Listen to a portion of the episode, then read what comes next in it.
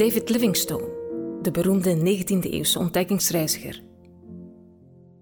In deze podcast vertelt Stefan de Feiter het levensverhaal van deze schot. In de mist van de vele overleveringen gaan we op zoek naar de waarheid. Een beschrijving gebaseerd op het boek van Tim Geel.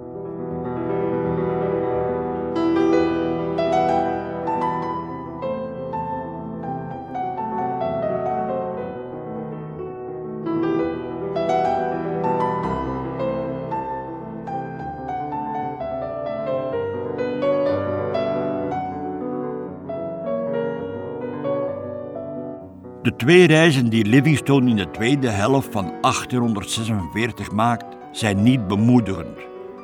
Hij ontdekt dat er ten oosten van Segeles gebied heel erg veel dorpen zijn, maar de boeren zijn al bezig met stammen te overvallen of ander stam tegen stam op te zetten, waarbij zij grote aantallen schapen en enkele honderden gevangenen tegelijk meenemen.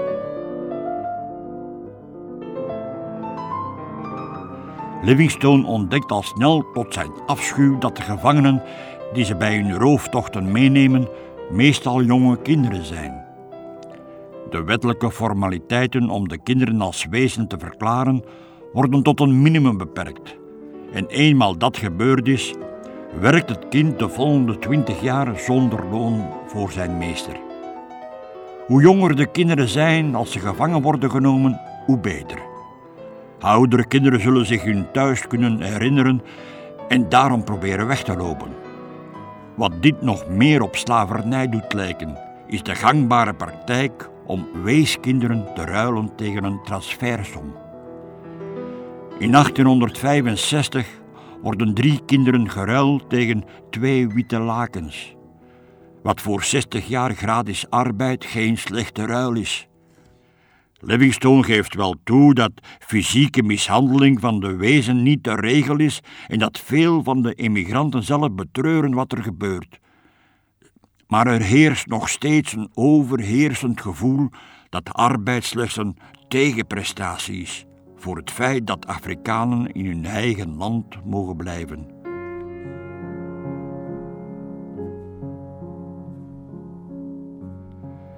Begin 1847 weet Livingstone dat de boeren nooit inheemse onderwijzers in Transvaal zullen dulden. Daarom wordt hij weer op Chonuane, het nieuwe gebied van Segele, teruggeworpen. Een stam waar hij, zoals het nu lijkt, nooit meer dan een dertigtal bekeerlingen zou kunnen maken.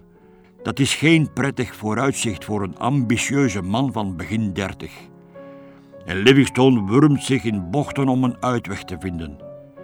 Hij is nog geen twee jaar bij de Beckmanstam en als hij spot van collega's wil vermijden door een vroeg vertrek, zal hij hier toch nog even aan moeten blijven.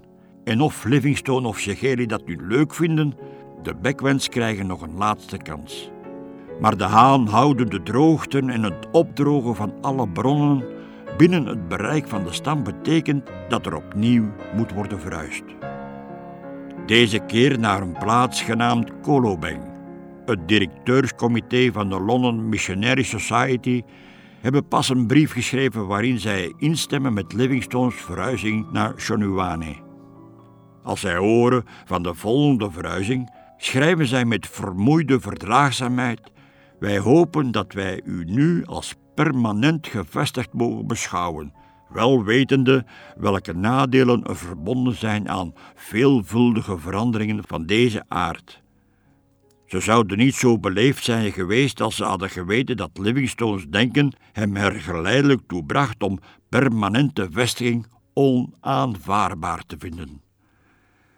Hoewel Kolobeng een betere watervoorziening heeft dan Shonuane, is het in andere opzichten nauwelijks comfortabeler of aantrekkelijker er zijn bossen op enkele kilometers afstand, maar het grootste deel van het omringende land is net zo somber en dor als alle andere plaatsen in Bechuanaland, oftewel Botswana.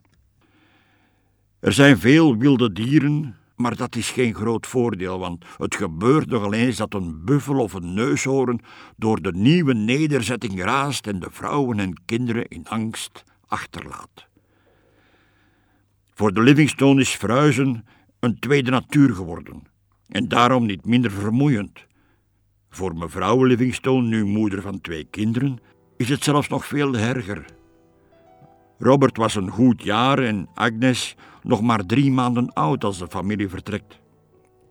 Het leven van Mary Livingstone was sowieso al zwaar voor de komst van de kinderen.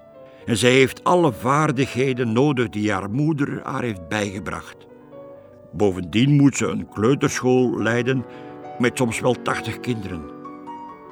De plaatselijke moeders gebruiken de school als kinderopvang. Maar veel meer dan dat is het natuurlijk nooit. Mevrouw Livingstone kan met 80 kinderen moeilijk orde houden. Laat staan iets onderwijzen. En minder dan een jaar na haar aankomst in Kolobeng is Mary opnieuw zwanger en moet met de school stoppen.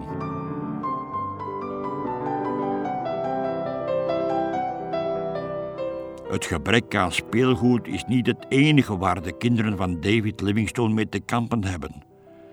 Vaak huilen ze van de honger en op een keer als de graanhoogst mislukt was, moet Marian 300 mijl zuidwaarts naar haar ouders in Kuruman brengen. Na hun vertrek graaft Livingstone wat kleine aardappeltjes ter grootte van krikkers op en eet die op. Hij heeft er spijt van dat hij ze niet heeft opgegraven voordat de kinderen waren vertrokken. Ze zouden er zo van genoten hebben.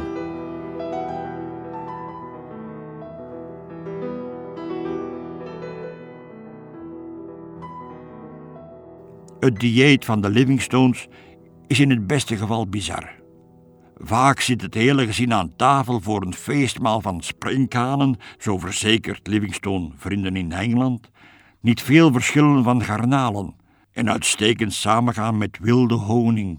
Het voedsel van de baptisten, voegt hij eraan toe, zorgt voor een delicaat evenwicht in de spijsvertering. De eerste is buitensporig constiperend en de laatste heeft juist de tegenovergestelde neiging. De kinderen zijn vooral dol op een soort rups en een grote kikker, matlametlo genaamd. Livingstone zegt dat de kikker er net als kip uitziet en ook zo smaakt. Het dieet is niet het enige dat de Livingstones kinderen onderscheidt van hun leeftijdgenoten in Engeland. Ze groeien tweetalig op en tot schrik van hun vader is hun Sichuana al snel beter dan hun Engels. De laatste verbeteringen die Livingstone aan het huis aanbrengt zijn de deuren en de raamkozijnen. Vreemd genoeg laat hij het plaatsen van de buitendeur tot het laatst wachten. David schrijft: Mevrouw Livingstone laat zien dat ze tegen alle gevaren opgewassen is. Toen een grote wolf binnenkwam, wilde Mary dat ik ging kijken of de slaapkamerdeur wel goed vast zat. Maar ik raadde haar aan om met een vork in de hand zelf te gaan kijken. Ik lag immers te comfortabel om zelf te gaan. Mary's taken zijn veelomvattend. In Shoniwane heeft ze iets van tandheelkunde geleerd. En Livingstone beschrijft op grappige wijze hoe ze met succes een van zijn tanden uittrok met een schoenmakerstangetje. De Livingstones staan gewoonlijk bij zonsopgang op. Ze houden familiegebeden, ontbijten en gaan dan naar school. De rest van de ochtend besteedt Livingstone aan handenarbeid, zagen, ploegen, smeden en alles wat verder nodig is. Mary besteedt haar ochtend aan koken, naaien en de zorg voor de kinderen. Na de lunch volgt een korte rustpauze, waarna Mary naar de kleuterschool gaat en Livingstone zijn handenarbeid voortzet tot ongeveer vijf uur s'avonds. Daarna gaat hij meestal de stad in om met iedereen te praten die daar zin in heeft. Melkt de koeien en bezoekt tenslotte het huis van het stamhoofd om te bidden en hem speciaal onderricht te geven. Uitgeput komt hij dan om half negen thuis. In brieven aan vrienden betreurt hij dat hij zo'n groot deel van zijn dag aan landbouw besteedt en zo weinig aan echt zendingswerk.